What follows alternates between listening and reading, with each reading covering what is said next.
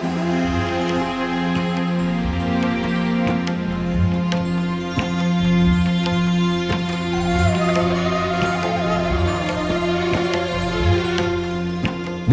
6. Gecesi İki ulvi şahsiyetin kucaklaşması Muharrem'in 6. gecesi hava yine kara çevirmişti. Rüzgar önüne kattığı karları öksüz çocuklar gibi kovalıyordu. Çatıların saçaklarında uzun ve sivri buz sarkıtları oluşmuştu. Söğüt başındaki ulu söğütler ve kavaklar kefenlerini giymiş gibi salınıyorlardı. Hava buz kesmişti. Havanın öfkesi insanların yüzlerine, toprak evlerin camlarına yapışıyordu. Kadınlar komşularına gece oturmasına giderken yatsı namazından çıkan erkekler de yine derviş odasına doğru sökün ediyordu. Sarı dedeye duasını okuyup da yukarı odaya çıkanlar gürül gürül yanan sobayla karşılaştılar. Niyazi dayı yatsı namazına gitmeden önce yakmıştı sobayı. Üzerindeki çaydanlık buhar buhar kaynıyordu. Emektar soba köz gibi kızarmıştı. Her yeni gelen için tertip edilen merhaba merasimi sürüp gidiyordu ki Mehmet Hoca kapıda göründü. Herkes onu saygıyla karşıladı. Seyfi Karagöz, Mehmet Hoca'nın gri paltosunu aldı ve askılığa astı. Kar bu defa kalıcı gibi, dedi Hacı Kadir. Öyle görünüyor, dedi Faik dede. Başlayalım mı? Dedi Mehmet Hoca. Babam Süleyman Efendi, biz hazırız, dedi. Başka bir boyuta geçmeye hazırlanır gibi gayretli, endişeli ve meraklıydı yüzü. Mehmet Hoca her zamanki gibi yine diz çöktü. Küçük bir ses akordundan sonra başladı gecenin sohbetine.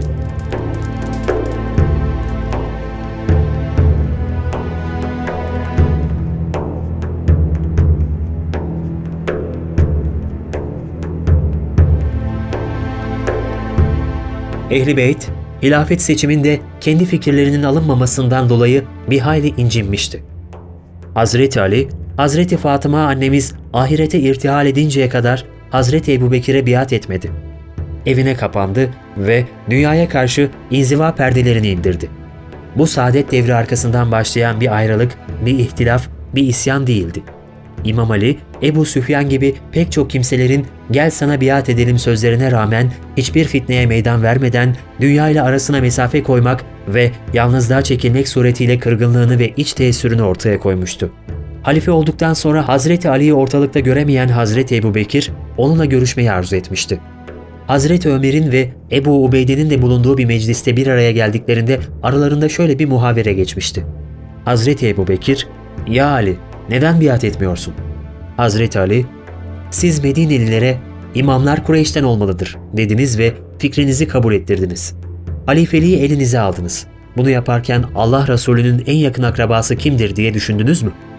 Ebu Ubeyde, ''Ya Ali, senin İslamiyet'teki kıdemin ve Allah'ın Resulüne yakınlığın noktasından hilafet makamına en layık olduğun bir hakikattir. Ama liyakatte hiçbir eksiği olmayan Ebu Bekir'e bütün müminler biat etti. O gün orada bu işin tehire tahammülü yoktu. Artık sana düşen biat etmektir. İmam Ali, Ey Ebu Ubeyde! Bu ilahi rütbe ve nimeti Allah beyt ehline vermiştir. Bu nimet başka tarafa çekilemez. Hazreti Ebu Bekir, Ya Ali! Sonuç benim tahminimin dışında gelişti. Eğer halifelik makamında dileğin olduğunu ve bu yüzden bana el vermeyeceğini bilseydim bu işi kabul etmezdim. Fakat şu anda bütün topluluk bana biat etmiş bulunuyor. Eğer sen de biat edersen birliğimizi korumuş ve gönlümü kazanmış olursun. Bu konuda düşünmeye ve bazı tekliflerde bulunmaya ihtiyacın varsa sana istediğin kadar mühlet. Meclistekilerin ihtiramları arasında Hazreti Ali oradan ayrılmış ve bu belirsizlik Hazreti Fatıma Tüz Zehra'nın sonsuzluğa yürüyüşüne kadar devam etmişti. Hazreti Fatıma annemizden sonra Hazreti Ali, Halife Hazreti Ebu Bekir'le baş başa görüşmek istedi. Hem de kendi evinde. Hazreti Ömer, Halife Ebu Bekir'e git fakat yalnız gitme dedi. Giderim ve yalnız giderim dedi Hazreti Ebu Bekir. Ve Müslümanların halifesi kalkıp İmam Ali'nin evine geldi. İmam Ali, halifenin yalnız gelmesinden memnun oldu. Biz senin faziletini, Allah'ın senin üzerindeki nimetlerini inkar edenlerden değiliz. Bu nimetler yüzünden de seni kıskanmıyoruz. Fakat sen bize karşı sert davrandın ve bizi korumadın, dedi. Rikkat ve edep abidesi halifenin gözleri doldu. Nefsim kudret elinde olan Allah'a yemin ederim ki Resulünün yakınlarını gözetmek benim için kendi akrabamı korumaktan daha sevimlidir. Miras malları üzerinde aramızda doğan meseleden ben yalnız hayır murad ettim. Allah'ın Resulünden ne duydum ve ne gördümse onu yaptım. Hazreti Ali'nin de gözleri doldu. Kalbindeki ulviyet taştı. Bugün öğleden sonra sana biat edeceğim. Ya Eba Bekir, dedi. Halife bu duruma çok sevindi. Allah Resulü'nün sağlığında hep en önde olmuş İslam'ın bu iki bahadırının birbirlerine mesafede durması gönülleri yaralıyordu. Hazreti Ebu Bekir, şüphe ve tereddütle geldiği Hazreti Ali'nin evinden büyük bir mutlulukla ayrıldı.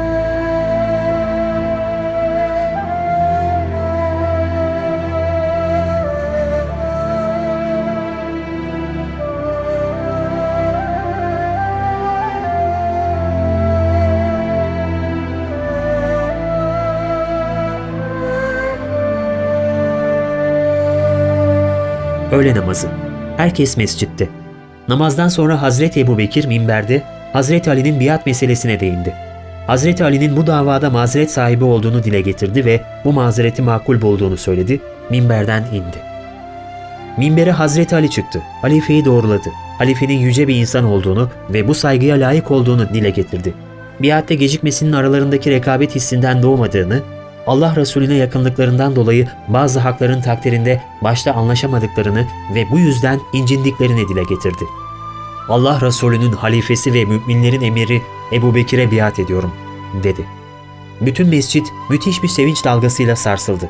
Karşılıklı iki ulvi şahsiyetin kucaklaşması ve yekpareleşen İslam birliği önünde bütün mescit sevinç gözyaşı döktü. Allah şahidimdir ki eğer İmam Ali gönlüne yatmasaydı biat etmezdi ve hiçbir güçte onu biat ettiremezdi.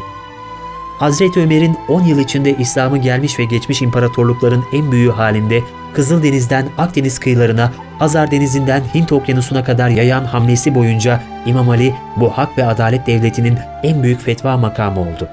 İmam Ali istemeseydi zorla hiç kimse onu bu makamda tutamazdı. Hazreti Ömer bir gün şöyle dedi. Eğer Ali olmasaydı Ömer mahvolurdu. Hazreti Ömer öldüğünde İmam Ali ağlar. Niçin ağlıyorsun dediklerinde Ömer'in kaybı İslam için öyle bir gediktir ki kıyamete kadar doldurulamaz dedi. Gerçekten de Hazreti Ömer'den sonra fitnenin kapıları kırılmış ve Hazreti Osman'ın şehit edilişiyle bütün bütün zor günler başlamıştı. Bazı Şiiler diyorlar ki İmam Ali korktuğu için biat etti, takiye yaptı. Bu bir iftiradır. Büyük bir iftira. Hem de bu hicret esnasında bir gül yatağına uzanır gibi ölüm yatağına uzanı veren, Bedir'de hasmını bir hamlede yere seren, Uhud'da Resulullah sallallahu aleyhi ve selleme doğru gelen, her dalgayı Zülfikar'la kesip biçen, Hendek Savaşı'nda Hicaz'ın en büyük silahşörü olan Amr'ı kılıcıyla bir vuruşta ikiye bölen, Hayber önünde efsaneleşen bir kahraman için söylenebilecek en büyük iftiradır. Korku, onun kitabına hiç girmemiş bir kelimedir. Kader onun en zorlu günlerde halife olmasını istemişti, o kadar. Ne yazık ki hilafet meselesi İslam tarihinde sancılı başlamış ve günümüze kadar da bu hep devam etmiştir. Ehl-i Beyt'e sevgi ve hürmet konusunda Sünniler ve Şiiler müttefik olsa da hilafet konusunda aynı düşüncede değillerdir. Hilafet konusunda asrımızın fikir mimarlarından Üstad Bediüzzaman Hazretleri diyor ki, Hazreti Ali'nin halifeliğe daha sonra geçmesinin bir sırrı da şudur ki, çok farklı kavimlerin birbirine karışmasıyla Hazreti Peygamber'in aleyhisselam haber verdiği gibi sonradan ortaya çıkan 73 fırkanın fikirlerinin esaslarını taşıyan o kavimler içinde fitneye yol açan hadiselerin meydana geldiği zamanda Hazreti Ali gibi harikulade bir cesaret ve feraset sahibi, Haşimi ve Ali Beyt'ten kuvvetli, hürmet gören bir zat lazımdı ki dayanabilsin. Evet dayandı. Resul-i Ekrem'in aleyhisselam ben Kur'an'ın ayet ayet indirilip tebliğ edilmesi uğrunda savaştım. Sen de manasının doğru yorumlanması için savaşacaksın. Buyurarak haber verdiği gibi. Hem Hazreti Ali olmasaydı dünya saltanatının Emevi hükümdarlarını tamamen yoldan çıkarması muhtemeldi.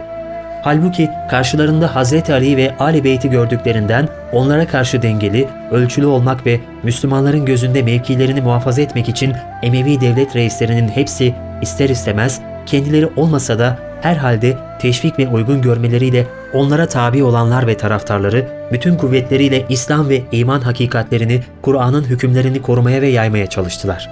Hakikati araştırıp delilleriyle bilen yüz binlerce müştehit, kamil hadis alemi, evliya ve asfiya yetiştirdiler. Eğer karşılarında Ali Beyt'in çok kuvvetli velayeti, dindarlığı ve fazileti olmasaydı Abbasilerin ve kendi devletlerinin son devirlerindeki gibi tamamen çığırlarından çıkmaları muhtemeldi. Eğer denilse ki neden halifelik Resul-i Ekrem'in âli beytinde devamlı kalmadı? Halbuki buna en layık olan, halifeliği en çok hak eden onlardı. Cevap Dünya saltanatı aldatıcıdır. Âli Beyt ise İslam hakikatlerini ve Kur'an'ın hükümlerini muhafaza etmekle vazifeliydi. Halifelik ve saltanat makamına geçen ya peygamber gibi masum olmalı ya da Raşid halifeler Ömer İbni Abdülaziz Emevi ve Mehdi-i Abbasi gibi kalben dünya ile alakasını kesmeli, harikulade bir zühde sahip bulunmalı ki aldanmasın. Halbuki Mısır'da Âli Beyt namına kurulan Fatimi Devleti'nin hilafeti, Afrika'da Muvahhidin hükümeti ve İran'da Safeviler göstermiştir ki dünya saltanatı Âli Beyt'e yaramaz. Asıl vazifeleri olan dini korumayı ve İslamiyete hizmeti onlara unutturur. Halbuki saltanatı terk ettikleri zaman İslamiyete ve Kur'an'a parlak ve yüksek bir surette hizmet etmişlerdir. İşte bak, Hazreti Hasan'ın neslinden gelen kutup zatlar, bilhassa dört büyük kutup ve bilhassa Gavs-ı Azam Şeyh Abdülkadir Geylani, hem Hazreti Hüseyin'in neslinden gelen imamlar, bilhassa Zeynel Abidin ve Cafer-i Sadık, her biri manevi birer Mehdi hükmüne geçmiş, manevi zulmü ve karanlığı dağıtıp Kur'an nurlarını ve iman hakikatlerini yaymış en şerefli cihetlerinin birer varisi olduklarını göstermişlerdir. Seyyid Abdülkadir Geylani, Seyyid Ahmedi Bedevi, Seyyid Ahmedi Rufai, Seyyid İbrahim Desuki, Kaddesallahu Esrarahum, genellikle tasavvuf kitaplarında geçen dört kutup zat olarak anılır. Bazen Ebul Hasan Eşşazeli, dördüncü kutup olarak zikredilir. Şia-i velayetin Hazreti Ali'ye karşı aşırı sevgisi ve tarikatların onu diğer halifelerden üstün tutmaları kendilerini Şia-i hilafet kadar sorumlu yapmaz. Çünkü tarikat ehli meslekleri itibarıyla mürşitlerine muhabbetle bakarlar. Muhabbetin gereği ifrattır. Sevdikleri zatı makamından daha üstün görmeyi arzu eder ve öyle görürler. Muhabbetin taşkınlıklarında hal ehli mazur olabilir. Ancak onların bu sevgiden dolayı Hazreti Ali'yi üstün tutması, diğer üç Raşid halifeyi kınamamak ve onlara düşmanlık beslememek şartıyla İslam esaslarının dışına çıkmamak kaydıyla mazur görülebilir. Şia-i hilafetin ehli sünnet ve cemaate karşı mahcubiyetten başka bir hakları yoktur. Çünkü onlar Hazreti Ali'yi fevkalade sevdiklerini iddia ettikleri halde kusurlu gösteriyorlar. Mezhepleri Hazreti Ali'nin ahlak zaafına düşmüş olmasını gerektiriyor. Çünkü diyorlar ki Hazreti Sıddık'la Hazreti Ömer radıyallahu anhuma haksız oldukları halde Hazreti Ali radıyallahu anh onlara göz yummuş, Şia tabiriyle takiye yapmış yani onlardan korkmuş, riyakarlık etmiş. İslam kahramanı olan Allah'ın arslanı unvanını kazanan Sıddıkların kumandanı ve rehberi böyle bir zatı riyakarlık ve korkaklıkla sevmediği zatlara yapmacıklı bir şekilde muhabbet göstermekle 20 seneden daha fazla korku içinde onlara katılıyormuş gibi görünmekle ve haksız idarecilere tabi olmayı kabul etmekle vasıflandırmak onu sevmek değildir. Hazreti Ali böyle bir sevgiden uzaktır, yücedir. Hak yolundakilerinin mezhebi ise Hazreti Ali'yi hiçbir şekilde kusurlu göstermez, onu ahlak zaafıyla itham etmez, öyle harika bir cesarete korkaklık yakıştırmaz ve der ki Hazreti Ali, Raşid halifeleri hak görmeseydi bir dakika tanımaz ve onlara itaat etmezdi. Demek ki onları haklı ve üstün gördüğü için gayret ve cesaretini hakperestlik yolunda sarf etmiştir. Hazreti Ali, Hazreti Ebu Bekir hakkında şu sözleri sarf etmiştir. Eğer Ebu Bekir'de hilafet işine liyakat görmeseydik, hilafeti ona bırakmazdık. İçimizde hilafete en layık olan Ebu Bekir'dir. O, Efendimizle beraber mağara arkadaşlığı yapmıştır. Yaşı da hilafete müsaittir. Efendimiz kendi sağlığında Ebu Bekir'i namaz kıldırması için görevlendirmiştir. Sözün özü, hiçbir şeyde ifrat ve tefrit iyi değildir. İstikamet orta yoldur ki ehli sünnet ve cemaat onu tercih etmiş. Fakat maalesef Vehhabilik ve haricilik fikri kısmen ehli sünnet ve cemaat perdesi altına girdiği gibi siyaset düşkünleri bir kısım dinsizler Hazreti Ali'yi tenkit ediyor. Haşa, siyaseti bilmediği için hilafete tam layık olamamış, ümmeti idare edememiş diyorlar. İşte onların bu haksız ithamları yüzünden Aleviler ehli sünnete küsüyor. Halbuki ehli sünnetin düsturlarında ve esas mezheplerinde bu fikirler bulunmaz, hatta ehli sünnet bunun aksini ispatlıyor.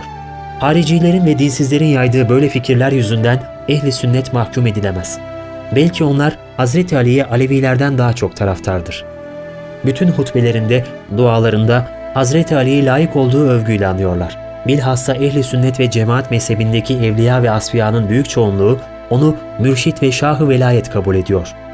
Aleviler hem kendilerinin hem ehli sünnetin düşmanlığını hak eden haricileri ve dinsizleri bırakıp hak yolundakilere karşı cephe almamalıdır. Hatta bazı Aleviler ehli sünnete inat sünneti terk ediyor. Her neyse. Bu mesele hakkında fazla söz söyledik. Zira bu ulema arasında çokça bahis konusu olmuştur. Ey hak yolunda olan ehli sünnet ve cemaat ve ey ehli beyt sevgisini yol edinen Aleviler. Çabuk bu manasız, haksız, zararlı ve bir hakikate dayanmayan anlaşmazlığı bitiriniz. Yoksa kuvvetli bir şekilde hüküm süren şimdiki dinsizlik cereyanı birinizi diğerini ezmek için alet edecek ve birinizi mağlup ettikten sonra o aleti de kıracak. Allah'ın birliğine inanan sizlerin aranızda kardeşliği ve beraberliği emreden yüzlerce esaslı mukaddes bağ varken ayrılığı gerektiren meseleleri bırakmanız şarttır. Üstad Bediüzzaman Hazretlerinin bu açıklamaları hepimize ışık tutuyor.